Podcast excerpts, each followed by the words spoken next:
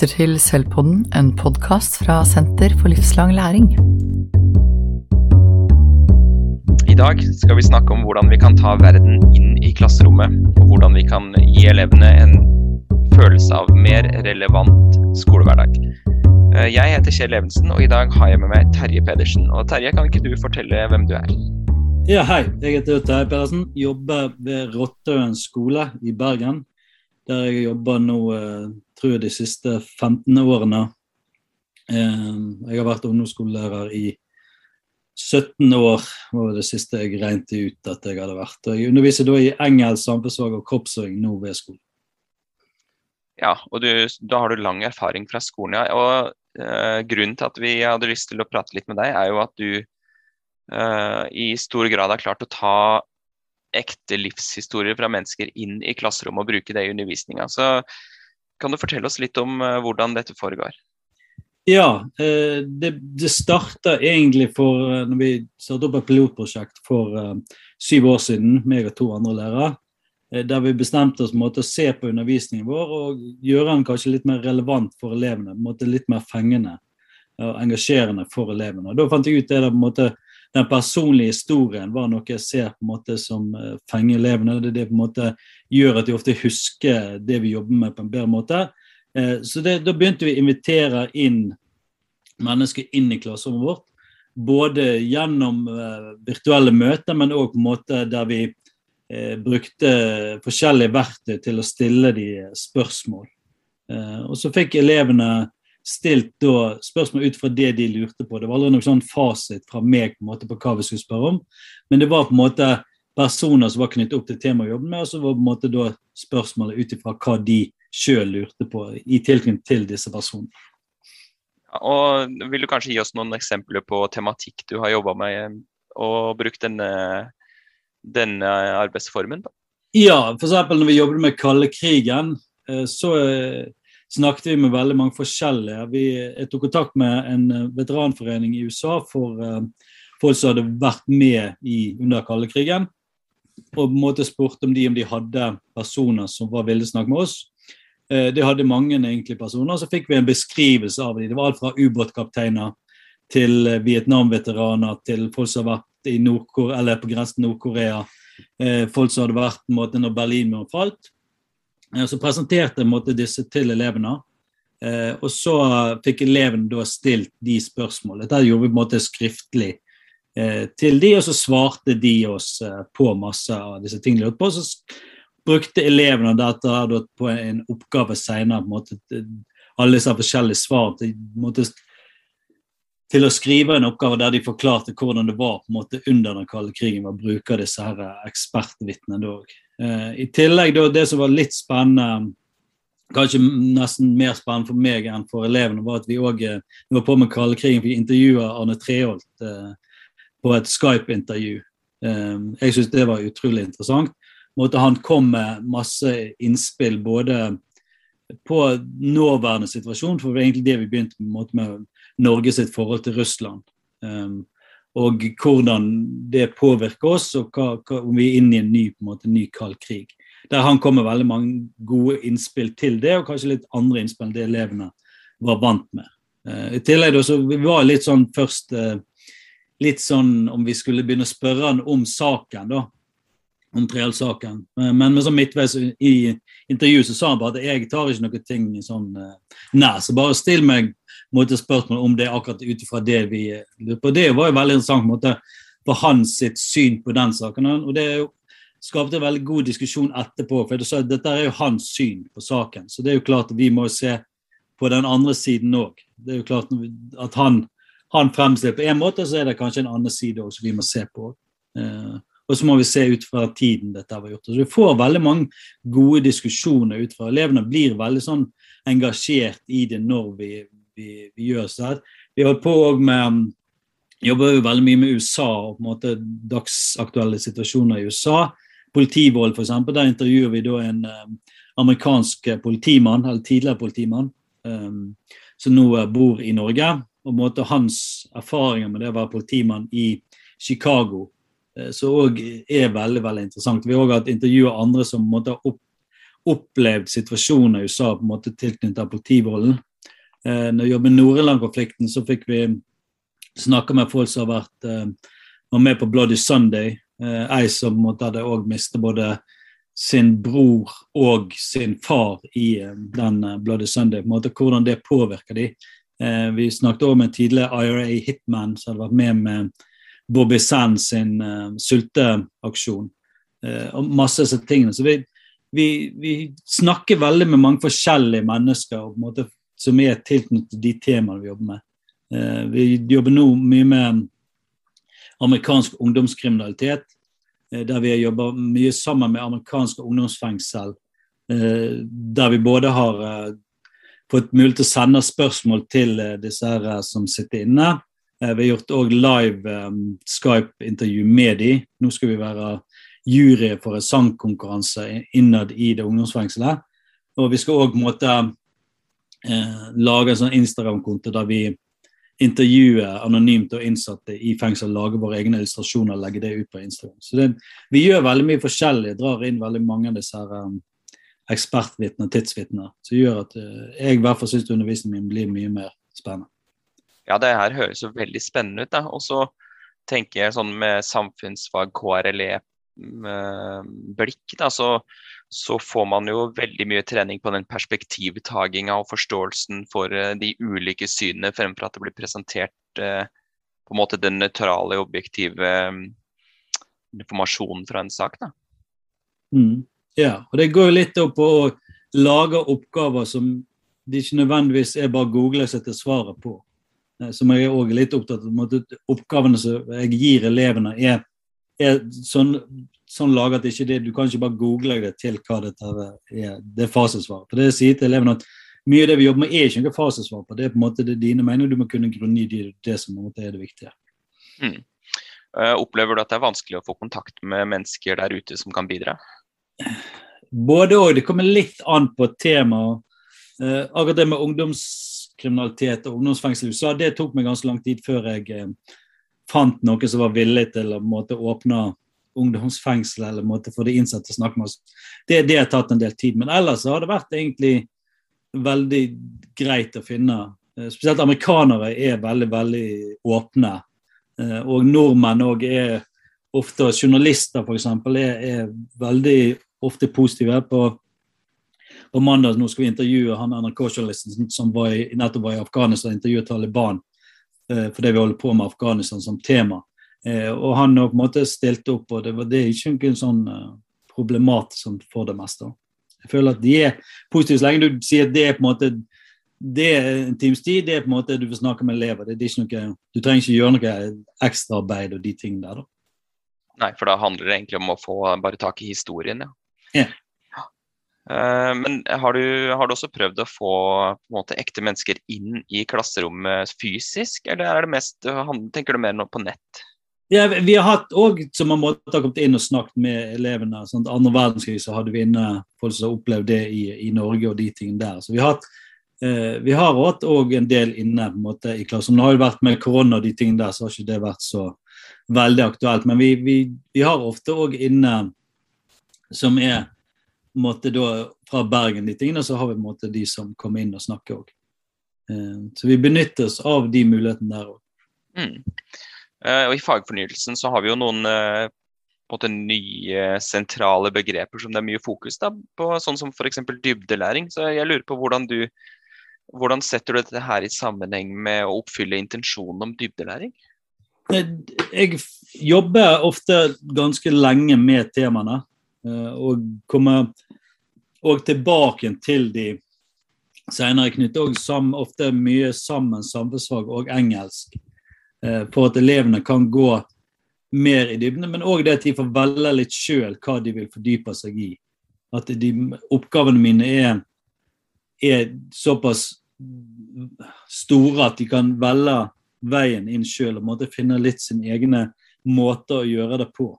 Eh, vi jobber mye med det. Det er en prosess, det òg, som oftest tar tid. mot at elevene ser det. Jeg, er ikke ute etter ett type fasesvar. Det er på en måte deres egen måte å gå inn i disse oppgavene på. som er, og Det er de som kan fordype seg litt i de temaene som de syns er interessante innenfor, innenfor, det vi jobber med.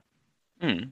Så på en måte så vil ikke alltid en sånn type faktaprøve være en relevant uh, metodikk for deg, da? Nei, jeg, jeg, har, jeg har, ikke prøver i den Jeg har ingen prøver uh, i mine klasser. Det er mer sånne oppgaver der elevene sjøl går inn og uh, lager svarene. Så det er mer de. For det, jeg føler i hvert fall det med faktaprøve, de tingene, så er det ofte den som er, kopierer best det læreren sier, som får den høyeste karakteren.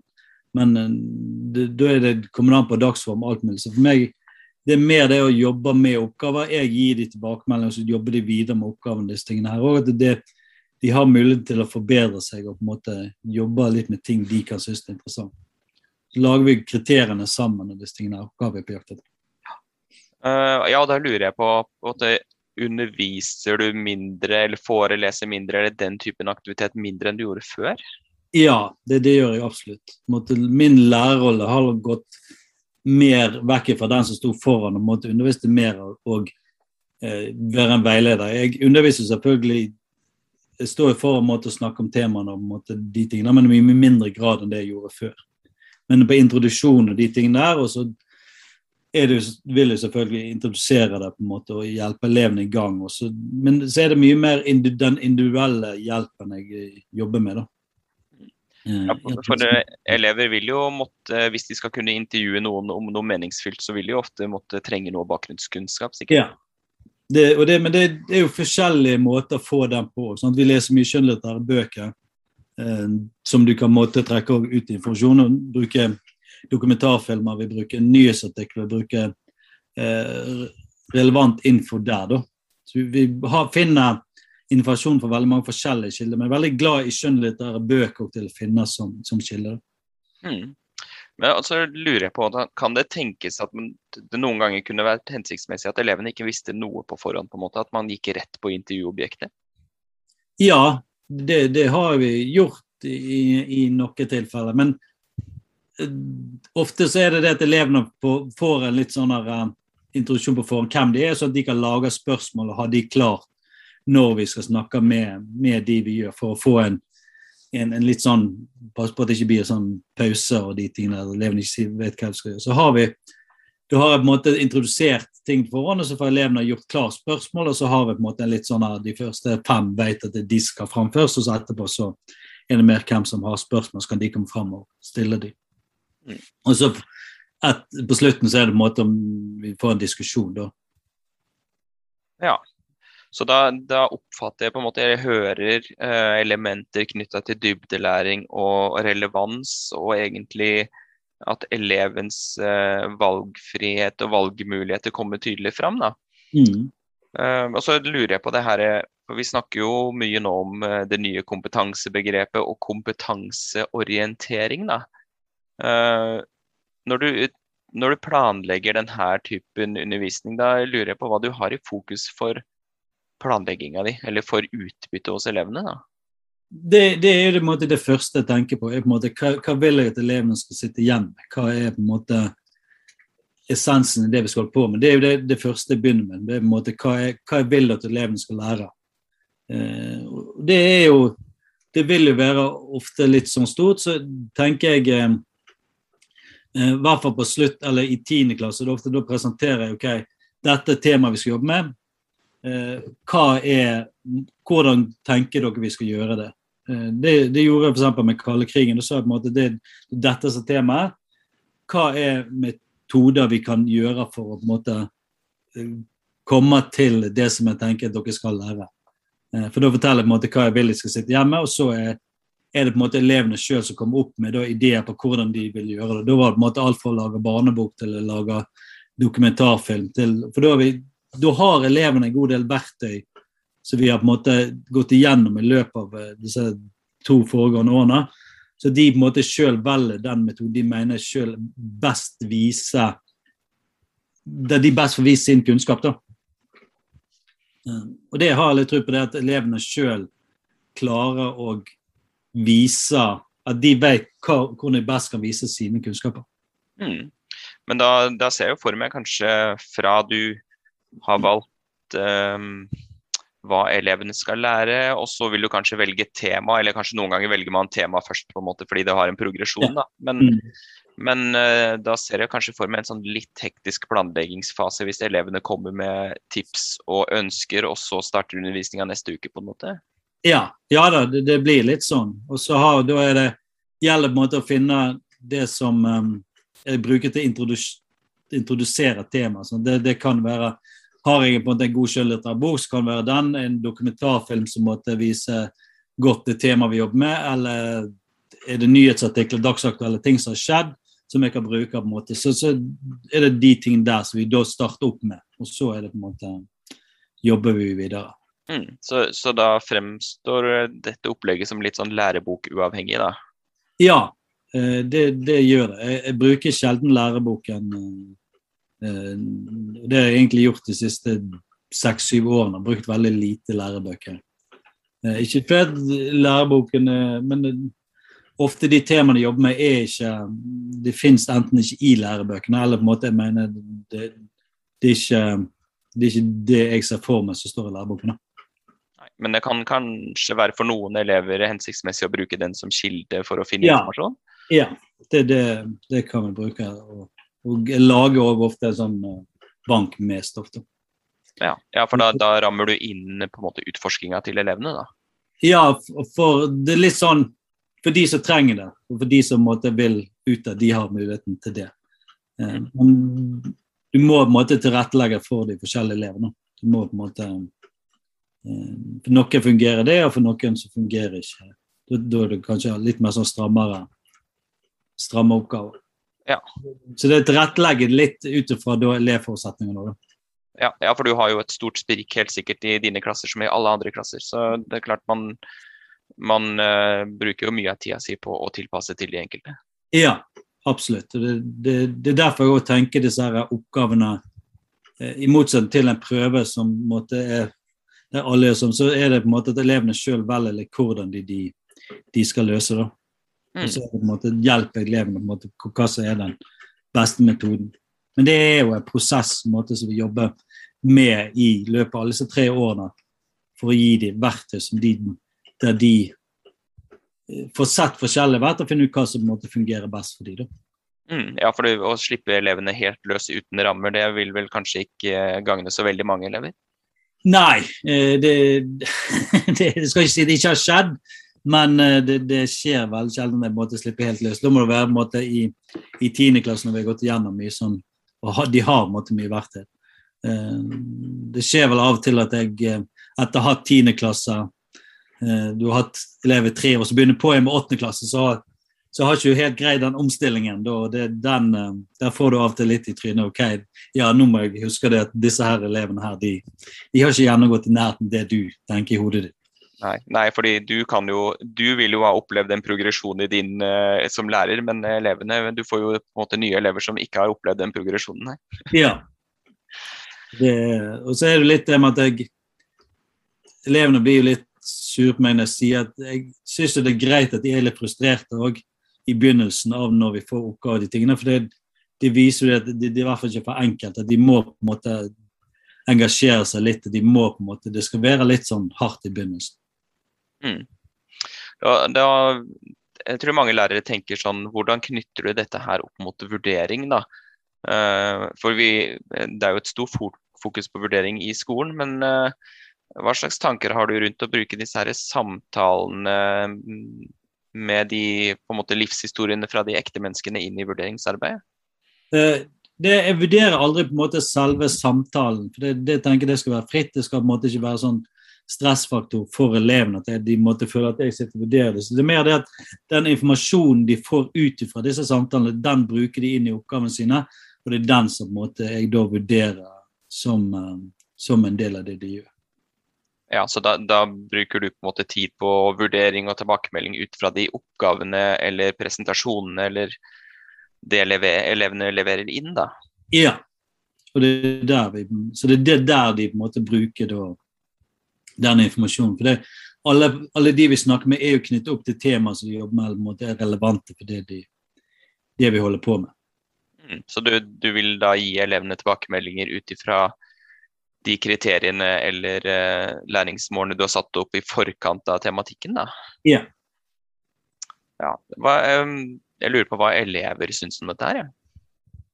Jo, de er jo, elever er jo alltid veldig høflige, så de, de, er jo alltid veldig veldig fornøyde.